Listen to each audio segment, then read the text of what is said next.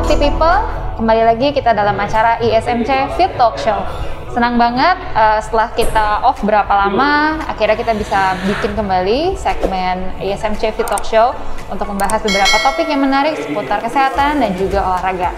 Nah, pada hari ini uh, segmen yang akan kita bahas adalah ISMC COVID Talk 2021. Nah, saya hari ini didampingi oleh Dr. Ande Putu Agus Mahendra, spesialis gizi klinik dan beliau adalah salah satu dokter juga di ISMC yang menangani kasus-kasus dan juga pasien COVID secara langsung sehingga pengalamannya beliau di rumah sakit dan juga pengalaman beliau sehari-hari dalam menangani pasien COVID itu sangat update sehingga uh, beliau adalah orang yang tepat untuk kita mendiskusikan nih uh, seputar uh, update dari COVID-19. Halo dok, apa kabar? Halo juga dok, baik. Gimana? Nah ini dokter Putu pertama kali nih bergabung dengan kita. Nah sebelum-sebelumnya memang teman-teman yang sudah menonton acara Fit Talk Show, kita uh, didampingi oleh beberapa dokter spesialis dokter olahraga. Dan ini pertama kalinya kita didampingi oleh dokter Pandit Putu sebagai perwakilan dari dokter gizi. Nah hari ini dok topiknya adalah kita membahas seputar uh, COVID nih dok. Ya. Nah seperti yang kita tahu sekarang vaksin sudah mulai diberikan secara iya. massal ya dok ya. Nah, uh, tapi yang yang saya rasa masih cukup penting untuk dibahas adalah bagaimana kondisi uh, penularan COVID saat ini, dok. Apa yang dokter tahu dan yang dokter alami di rumah sakit? Bagaimana gambarannya supaya teman-teman kita nih di rumah yang menonton bisa mendapatkan gambaran uh, bagaimana sih kondisi uh, negara kita terutama ya saat ini, dok? Iya, kalau kondisi COVID sih saat ini kita lebih cenderung uh, emang terjadi peningkatan. Cuman untuk penularannya lebih cenderung ke klaster yang kita tidak sadari. Kayak kayak klaster keluarga, klaster teman dekat dan itulah yang uh, kita anggap sebenarnya orangnya tidak sakit ternyata sakit dan paling sering juga kejadian adalah pada saat makan bersama hmm. ya mungkin bahkan dengan keluarga dekat sendiri tapi kan kita tidak tahu apakah dia dengan gejala atau tidak karena saat ini kalau dibilang uh, dengan orang tanpa gejala itu cukup banyak sekali dan dia sebagai ber, dapat menjadi sebagai spreader atau penyebar penularnya ke orang-orang lain. Hmm.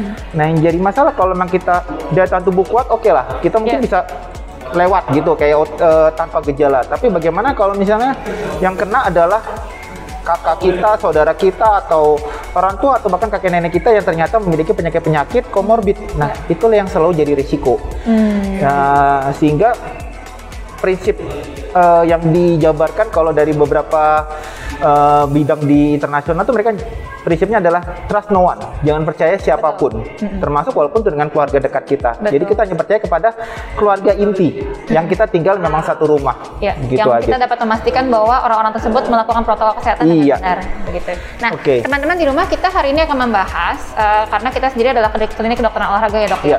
Uh, jadi topik yang akan kita angkat cukup menarik. Nah hari ini kita akan membahas spesifik mengenai gejala apa saja nih yang dialami oleh pasien COVID yang mungkin nggak dibahas banyak ya iya. di sosial media ataupun nggak terlalu uh, banyak dibahas di luar lingkup medis hmm. dan juga apa yang dialami oleh pasien-pasien COVID tersebut setelah mereka Kenapa sembuh atau dismiss dari rumah sakit atau keluar dari rumah sakit bahkan dinyatakan uh, PCR yeah. negatif ya dok ya. Nah hal-hal tersebut yang uh, mau kita bahas lebih lanjut supaya teman-teman mungkin yang memiliki kerabat yang terkena uh, COVID bisa mengetahui apa yang harus dilakukan pada orang-orang tersebut yang sudah pernah terinfeksi apakah kualitas hidupnya tetap baik atau ada beberapa hal-hal penting yang harus uh, kita lakukan ya dok ya, ya sebagai bentuk salah satu pemulihan. Nah mungkin ya. dokter bisa gambarkan apa saja sih dok yang yang dialami oleh pasien pasca mereka terinfeksi COVID baik yang bergejala maupun tidak bergejala yang paling kita sering hadapi adalah pasca uh, pasca COVID itu mm-hmm. adalah rasa lelah yang berlebihan. Kemudian pada beberapa kasus yang jika dia pada saat dia kena COVID berada pada gejala sedang berat itu gejala uh, efek samping seperti sesak yang berkelanjutan itu bahkan di beberapa jurnal sudah mulai dibahas. Mm-hmm. Jadi efeknya seperti rasa lelah yang berkelebihan. Yeah kemudian rasa sesak yang tidak uh, ya, tidak, tidak ada perubahan, ya. kemudian jadi sering batuk-batuk-batuk, hmm. ya sering ada gangguan batuk. Kemudian yang paling juga sering terjadi adalah gangguan mood. Jadi yang tadinya mungkin uh, kepribadiannya kita isi gue atau gimana kok jadi kayak mau apa sensitif lah kalau misalnya ya. bilang baperan lah kayak gitu kemudian juga keluhan yang yang paling sering kerasa adalah misalnya dia naik turun tangga biasanya udah lima lantai tuh kuat-kuat aja tiba-tiba baru satu lantai sudah nafasnya sudah hmm. capek sekali Betul. sudah sangat lelah sekali dan itu Uh, kemudian juga gejala-gejala yang lainnya itu adalah insomnia. Jadi susah tidur. Hmm. Nah, itu gejala yang kita khawatirkan adalah yang merupakan gejala efek sisa dari pasca COVID. Dan itu yang memang untuk pembahasannya kalau di luar sana di jurnal-jurnal internasional sudah banyak dibahas, cuman di Indonesia mungkin kita kurang membahas di daerah situ.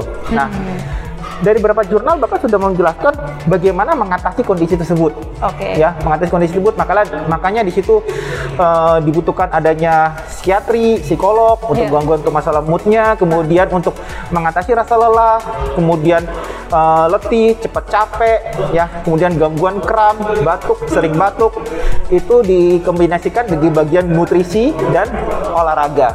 Oke, nah, gitu. yang ingin mungkin teman-teman tahu juga ya dok, termasuk saya pribadi, apakah gejala tersebut pasca infeksi COVID dialami oleh oleh orang-orang yang yang pada saat terinfeksi COVID itu mengalami gejala sedang berat atau bisa juga terjadi pada orang-orang yang OTG dok? Nah, kalau bisa terjadi pada uh, siapa pun. Saya punya beberapa uh, teman-teman saya yang isolasi mandiri karena di OTG. Mm-hmm. Jadi memang keluhannya cuma batuk pilek biasa, mm-hmm. keluhan-keluhan dasar ya seperti influenza biasa. Yeah. Pas saya kena COVID, uh, dia melakukan kembali ke aktivitas fisiknya yang rutin, tapi dia menyadari kalau kok makin cepat capek, hmm. makin cepat lelah, okay. dan sering setiap bangun tidur kok rasa pegel-pegel badannya, dan itu hmm. beda sekali dengan saat dia belum kena belum terpapar oleh COVID-19. Hmm. Nah, uh, sebenarnya prinsipnya gini, ini kan karena COVID itu seperti uh, dari subtipe corona. Corona itu ya influenza. Yeah kalau kita kena influenza pun, pasca kita kena flu, badan kita masih rasa lemes kan? Betul. Masih terasa capek, lemes, jadi perlu adaptasi perubahan. -hmm.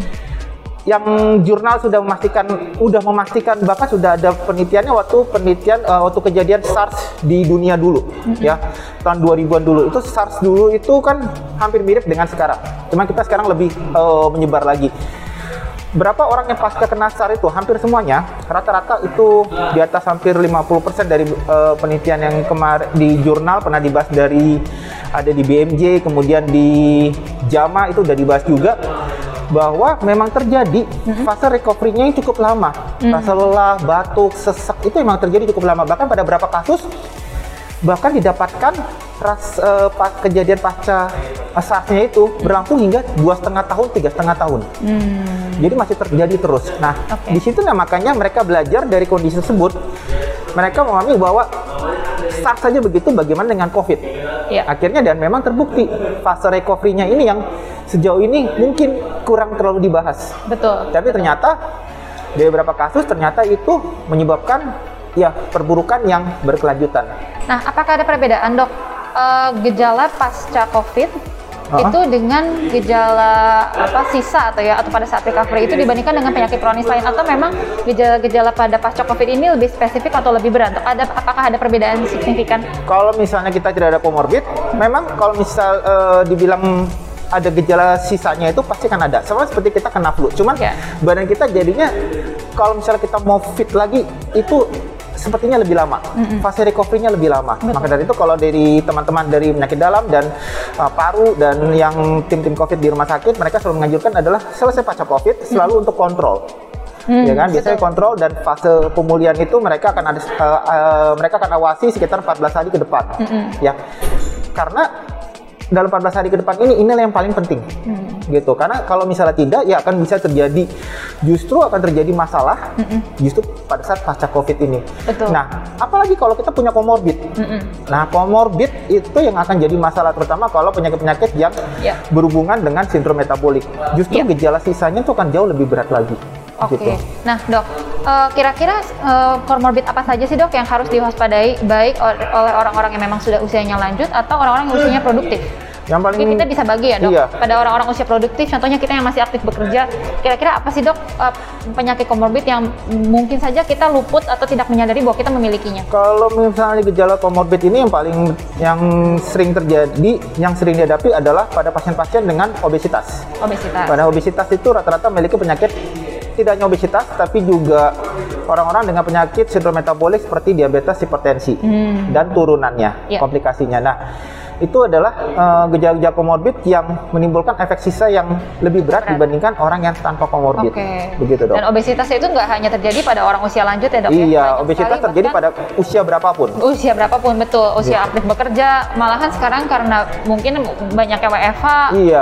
ada perubahan gaya hidup, bisa jadi orang-orang yang tadinya mungkin berat badannya normal bisa jadi overweight ya dok. Iya. Dengan, apalagi dengan perubahan kita gaya hidup WFH sedentary, sedentary type jadinya mungkin kita merasa oh badan-badan saya normal-normal aja kok, yeah. Kelihatannya normal, tapi ternyata komposisi tubuhnya nggak seimbang antara masa otot dengan masa lemak. Betul. Nah itu yang sebenarnya kita ngeliatin wah dia kayaknya berat badannya normal gitu loh. Hmm. Tapi ternyata komposisi tubuhnya bermasalah. bermasalah. Kadar lemaknya tinggi dan itu menimbulkan inflamasi. Inflamasi sendiri akibatnya menyebabkan terjadinya kita terpapar COVID juga lebih uh, resiko, plus setelah kita kena pasca COVID juga jauh lebih, lebih resiko lagi. Pada orang usia lanjut misalnya dok, orang tua kita atau ada yang punya kakek nenek di rumah, apa sih ya dok biasanya uh, masalah atau penyakit komorbid itu yang cukup beresiko? Untuk penyakit yang usia geriatri ini rata-rata pasti sudah terjadi gangguan fisiologis. Gangguan fisiologis itu hmm. uh, bisa pengaruh bisa terjadi ada gangguan kadar gula, kemudian ya. kemudian juga gangguan pada uh, tekanan darah ya dan gangguan fungsi tubuh yang lainnya. Mm -hmm. Prinsipnya selama uh, untuk usia geriatri selama dia menjalankan uh, prokesnya dengan baik, yeah. sebenarnya pasti dia akan aman. Oh. Tapi kalaupun dia sudah terpapar, mm -hmm. dari kita tuh ngawasin adalah satu yang paling penting karena usia geriatri itu kadang disuruh makan susah minta ampun, mm -hmm. ya kan? Betul. Dia memang ada perubahan pada uh, keinginan makan. Nah, pada pasien COVID, begitu dia asupannya rendah, Betul. sumber energi juga berkurang. Betul. Sementara tubuh pada saat kita kena sakit, mm -hmm. dia membutuhkan energi cukup banyak. Betul, untuk recovery. Akibatnya apa? Mm -hmm untuk proses dia imunitas tubuhnya untuk membantu penyakitnya melawan covidnya ini dan proses recovery-nya jadinya apa berjalan dengan lambat hmm. begitu dan dia pun udah usia geriatrik kadang untuk beraktivitas fisik juga betul. kurang betul. rendah betul. ya kan hmm. akibatnya apa nutrisi nggak baik olahraga juga aktivitas fisik kurang akhirnya yeah. imunitas tubuhnya menurun okay. dan akibatnya apa begitu kena untuk recovery-nya pasti membutuhkan waktu yang lebih panjang lagi hmm. gitu nah bagi teman-teman nih dok yang sekarang mungkin sudah mulai uh, kembali beraktivitas. Saya rasa PSBB ini mulai sekarang nggak terlalu yeah. menghambat semua dari kita nih untuk mulai beraktivitas ya dok ya. Sepertinya kayaknya orang sudah mulai beraktivitas normal, makan ke mall, mungkin traveling dan sebagainya uh, sudah lebih longgar ya dok ya. Apa saja sih dok gejala atau mungkin simptom sesuatu uh, atau mungkin tanda-tanda awal ya dok yang membuat kita harus lebih aware atau lebih waspada bahwa oh hal in, uh, mungkin gejala ini adalah gejala infeksi COVID sehingga kita perlu melakukan pemeriksaan. Untuk gejalanya saat ini sih cukup banyak dan variasi. Nah, ada berapa kasus Gak bahkan hanya terbatas hmm. pada flu atau iya. sakit tenggorokan atau demam. Banyak kan dibilang oh harus demam, harus batuk pilek. Iya. Sementara ya. ada berapa kasus dia nggak ada keluhan apa-apa, tiba-tiba tapi mengeluhnya adalah perutnya kembung, begah, mm -hmm. ada diare, kemudian kram di otot, pegel-pegel, nyeri-nyeri, ya rasa lelah, ya, ya. rasa lelah, nyeri, jadi bangun tidur yang tadinya segar kok ya. jadi cepat capek. Ya. Nah, itu ternyata uh, pas diperiksa mm-hmm. positif. Nah, kayak gitu. Sebaiknya nih dok buat teman-teman di rumah supaya kita mengetahui step by stepnya juga. Misalkan kita harus melakukan uh, work trip yang yang cukup panjang, misalnya keluar kota dan sebagainya, atau kita dalam situasi di mana kita uh, terpapar atau kita berada di ruangan dengan diisi banyak orang, lalu kita melakukan uh, merasakan gejala tersebut apa pemeriksaan yang harus segera kita lakukan dan time frame-nya bagaimana dok menentukannya? Untuk Jadi misalnya saya mulai merasa nggak iya. nyenak badan, saya curiga, uh, sebaiknya saya melakukan pemeriksaan apa? Kalau untuk fasenya sebenarnya yang sekarang ini kan ada pemeriksaan antigen, swab iya. antigen, yeah. kemudian ada swab PCR. Yeah. Nah, kalaupun kita mau periksa itu kita harus ada time timingnya supaya nah, tepat. Betul. Nah, antigen itu sebaiknya kalaupun misalnya kita lakukan itu adalah uh, sebenarnya kurang dari tujuh hari dari kita curiga terpapar. Oke. Okay. Nah, kalau PCR sebenarnya adalah uh, kalau kan melihat, melihat virusnya, ya kan, melihat komponen dari virusnya itu. Jadi biasanya kita setelah yakin kita misalnya, wah kita ada paparan, kontak kurang dari tujuh hari, ya kan, kita periksa swab antigen, barulah kita kemudian periksa PCR. Oke. Okay. Nah, begitu. Kalau PCR pun sebenarnya bisa dilakukan kapan pun, ya. Tetapi sebaiknya bukan berarti kita langsung wah kita curiga teman saya uh, COVID, hmm. kita baru ketemu kemarin langsung besoknya periksa PCR. Hmm. Nah virusnya aja belum kelihatan berkembang. Iya. Jadi percuma juga diperiksa gitu. Oke. Jadi biasanya estimasi berapa hari dok kita menunggu dari semenjak kita terpapar misalnya? Terpapar tuh biasanya emang disarankannya kalau misalnya variatif, pokoknya ada yang bilang tiga hari, empat hari, lima hari dari fase hmm. paparan tuh bisa bisa periksa PCR. Okay. Cuma kalau untuk pastinya itu memang sampai sekarang pun ya masih kita belum bisa memastikan sih okay. PCR itu kapan terbaiknya. Cuman yang pasti untuk antigen setidaknya itu adalah less, uh, kurang dari tujuh hari. Kurang dari tujuh hari, oke. Okay. Dan juga dengan adanya swab antigen ini sebetulnya membantu masyarakat juga ya dok? Ya? Iya, lebih cepat, simple. Betul. Uh, uh, lebih cepat dan simple. Iya, jadi untuk pasien melakukan atau teman-teman melakukan pemeriksaan tidak ragu-ragu ya karena kalau PCR kan harganya cukup tinggi juga iya. ya dok. Iya, itu yang penting tahu timingnya. Timingnya, ya. betul. Jangan kalau sudah kayaknya sudah lewat dari seminggu yang lalu kita antigen biasanya rata-rata pasti hasilnya negatif. Oke. Okay. Begitu. Nah sekarang mungkin teman-teman yang di rumah sudah lebih terbayang nih bahwa infeksi COVID itu tidak hanya berbahaya pada saat kita terinfeksi ya dok, iya. pascanya itu juga uh, sangat Gejala sisanya ini. Betul. Bahkan iya. yang saya baca itu 20 sampai 40 persen ya dok ya iya. dari orang yang terinfeksi COVID akan memiliki gejala sisa itu yang bisa bertahan mungkin berbulan-bulan sampai iya. bahkan menahun ya dok ya. Iya. Karena kan uh, infeksi COVID sendiri ini kan kita masih terus uh, melihat perkembangannya ya dok. Iya. Jadi segala sesuatunya memang masih belum pasti. Nah, sekarang kita udah tahu nih dok bahwa infeksi COVID gejalanya apa, dalam penanganannya iya. seperti apa dan apalagi pascanya. saat ini, ya apalagi saat ini kan ada mutasi-mutasi baru. Betul, nah, yang memperumit lagi iya. semua infek, uh, apa penularan COVID ini ya dok ya. Nah sekarang strateginya apa nih dok yang harus kita lakukan apabila ada keluarga kita yang terinfeksi COVID itu bahkan kita sendiri nih yang terinfeksi COVID dan kita sekarang lagi dalam masa pemulihan. Apa yang harus kita lakukan supaya kita dapat kembali lagi segera ke aktivitas kita yang normal dengan mungkin uh, kualitas hidup kita seperti kita sebelum sakit dok. Oke, okay, prinsipnya protokolnya adalah yang paling penting adalah gizi seimbang. Gizi seimbang. Gizi ya? seimbang. Kita kalaupun kita makan makan makanan sehat, Betul. ya kan, gizi seimbang.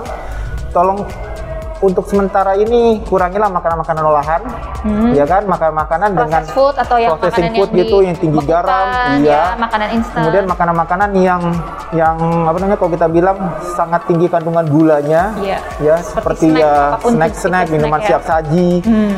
Ya minuman-minuman kekinian sekarang-sekarang ini Betul. kalau bisa ya. kita kurangin, kalau bisa malah tidak perlu sama sekali. Ya. Perbanyak tiga dengan buah-buahan, hmm. ya. Uh, tapi buah-buahnya kalau bisa bervariasi, betul. Berwarna setidaknya lima warna buah, hmm. ya, lima jenis buah. Hmm. Kemudian juga cukup karbohidrat, hmm. ya, protein dengan menggunakan sumber hewani atau nabati. Yeah. Kemudian juga sayur-sayuran itu yang paling penting. Dan hindarilah uh, proses pemasakan yang terlalu berlebihan. Jadi kayak digoreng kering lah, ya, di, atau dibakar, ya, gitu-gitu. Ya, ya, tolong dikurangi. Okay. Kemudian harus dibantu juga dengan aktivitas fisik, olahraga.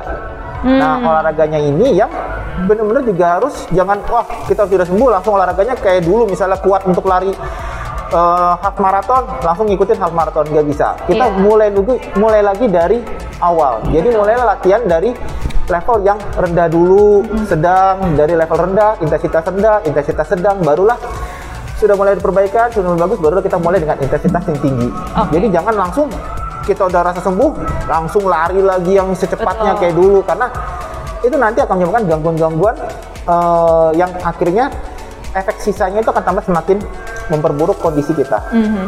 Oke. Okay. Nah saya dengar juga nih dok uh, beberapa pasien juga mungkin ya yang kita temui mengeluhkan bahwa adanya nyeri otot yang berkepanjangan nih dok. Iya. Itu disebabkan oleh apa ya dok? Nyeri otot berkepanjangan ya ada banyak faktornya sebenarnya ya, karena dari COVID-nya tadi memang dan selama uh, kondisi sakitnya dia sendiri hmm. karena kan dia dibikin kayak nafsu makannya pada beberapa kasus dia menurun betul ya kan jadi komponen nutrisinya mineral vitaminnya menurun hmm. akibatnya pada saat kondisi itu terjadi mikrodefisiensi. Betul. Jadi uh, mikronutrien defisiensi. Nah itu yang menyebabkan terjadinya ya otot menjadi kaku lah, kram, hmm. dan kemudian yang paling sering karena asupannya rendah, masa ototnya ya jadi masa otot juga menurun. Betul. Begitu. Itu yang jadi akibatnya uh, pas gitu dia mulai sembuh dan dia mulai olahraga kok badannya kaku, kram, nyeri-nyeri, lemes kayak gitu dok. Oke, berarti untuk pemulihan yang pasti adalah gizi seimbang ya dok ya. Iya. Yang kedua kita juga harus kembali segera aktif ya dok ya walaupun iya. masih terukur ya. Iya, olahraganya untuk olahraganya pun kalau bisa ya memang harus uh, tahu porsinya bagaimana mm-hmm. dan uh, kita tahu parameter-parameter olahraga yang terbaik untuk pasca COVID itu bagaimana. Karena okay. suka nggak suka ya memang harus dikontrol karena tubuh kita sudah mengalami penurunan kemampuan okay. begitu. Nah, mungkin karena hari ini kita akan membahas lebih spesifik mengenai uh, apa saja olahraga yang harus dilakukan atau makanan yang harus kita asup uh, kita makan selama masa pemulihan COVID. Uh, jadi kita nggak terlalu banyak membahas topik yang lain. Tapi saya pengen kita ada sedikit pembahasan nih dok mengenai vaksin. Uh, karena ini yeah. kan sedang uh, cukup uh, merupakan topik yang uh. sangat bergulir ya dok ya masa ini. Nah bagi teman-teman nih dok yang belum mendapatkan vaksin karena vaksin sekarang masih diutamakan bagi nakes ya jadi bagi teman-teman nih yang masih belum mendapatkan vaksin apa saja dok harus yang harus kita lakukan apakah uh, protokol kesehatan itu tetap bermanfaat oke okay. Protokol kesehatan tetap dilakukan mau sebelum atau sesudah dilakukan vaksin. Karena vaksin itu tujuannya adalah untuk membantu tubuh ya membantu tubuh membentuk antibodi mm -hmm. yang kalau misalnya kita kita apakah dikena vaks, uh, setelah vaksin masih bisa terpapar pasti bisa yeah. tapi bagaimana efeknya setelah kita terpapar apakah menjadi perburukan atau tidak mm -hmm. nah itu tergantung dari antibodi kita mm -hmm. nah tujuannya vaksin adalah memberikan tubuh suatu uh, serangan suatu serangan supaya dibentuk antibodinya Betul. nah kekuatan antibodi ini nanti akan membantu tubuh melawan jika kita benar-benar mendapatkan virus COVID-19 tersebut. Mm -hmm. Jadi begitu pun kita terpapar, ya kita akan uh, tidak akan mengalami fase perburukan. Jadi mm -hmm. gejalanya pun paling hanya gejala ringan atau bahkan tanpa gejala. Yeah. Jadi diharapkan adalah tidak menjadi perburukan gejala sedang atau gejala berat mm -hmm. yang akhirnya membutuhkan perawatan insentif. Mm. Gitu. Oke, okay, baik. Jadi bagi teman-teman yang masih belum mendapatkan yeah. vaksin kita harus tetap sabar menunggu ya dok ya. Iya. Uh, dokter Putus seperti uh, juga sudah divaksin sih ya dok ya. Udah. Seperti halnya nakes yang lain. Baru suntikan yang pertama, apakah dok? Sudah lengkap. Sudah lengkap ya. Sudah lengkap. Oke. Tapi yang seperti teman-teman bisa lihat, uh, saya juga melihat sendiri pribadi bahwa walaupun teman-teman nakes uh, sudah divaksin, tapi tetap melakukan protokol kesehatan dengan baik ya dok iya. ya. Karena untuk sekarang protokol kesehatan adalah masih hal yang utama untuk mencegah penularan COVID-19. Oke, jadi dokter Putu mungkin ada pesan-pesan yang ingin disampaikan buat teman-teman di rumah di dokter terutama pada masa-masa sekarang kita udah mulai masuk ke tahun yang baru, kita pasti akan ada mau ada perbaikan ekonomi ataupun kesehatan. Kita pengen ada sesuatu yang baru nih dok tahun ini. Iya. Mungkin dokter Putu bisa kasih tips-tips untuk teman-teman di rumah untuk mencegah penularan dan juga bagaimana sih caranya kita uh, mengadopsi gaya hidup yang sehat untuk untuk masa-masa ini dok. Iya tips saya sih tetap adalah menjalankan protokol kesehatan. Yang paling yeah. penting adalah pakai masker, mm -hmm.